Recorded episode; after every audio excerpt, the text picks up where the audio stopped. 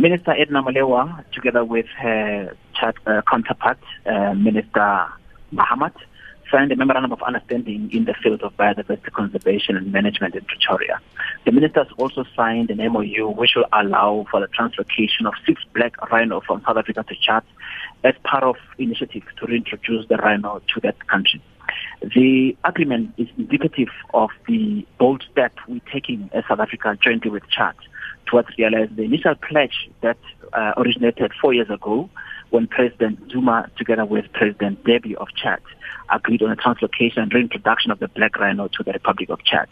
And also, this is the fulfillment of uh, a very sound foundation for cooperation between the two countries, as well as in areas of conservation specifically. But also, it begins to allow us the space to forge partnerships that are going to be of significance in terms of other areas of biodiversity cooperation in the continent. Modise sê Suid-Afrika sal ook help met die bewaring van die Chart-meer en die uitwissing van uitheemse spesies in die land. The first one is also to do with a whole range of biodiversity conservation. The team from South Africa and the team from Chad are meant to meet pretty soon to work out the roadmap or what is called an implementation plan. In that plan, it to have clear milestones in terms of what needs to be done by when in the broader field of conservation and biodiversity, but also specifically to the one that deals with the translocation of the rhino.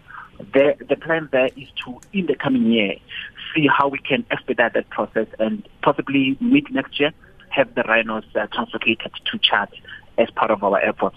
The discussions with the Chad started some time back. Even last year at CITES, Minister Molewa met with the former Minister of Environmental Affairs from Chad, where the discussions were also on the same issue of biodiversity conservation management and another one on rhino management.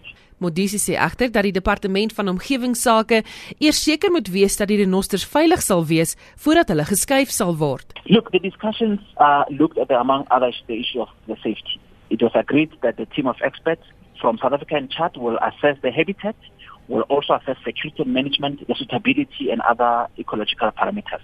Uh, the idea there is that it's important that we establish the safety elements in Chad when, when the translocation happens.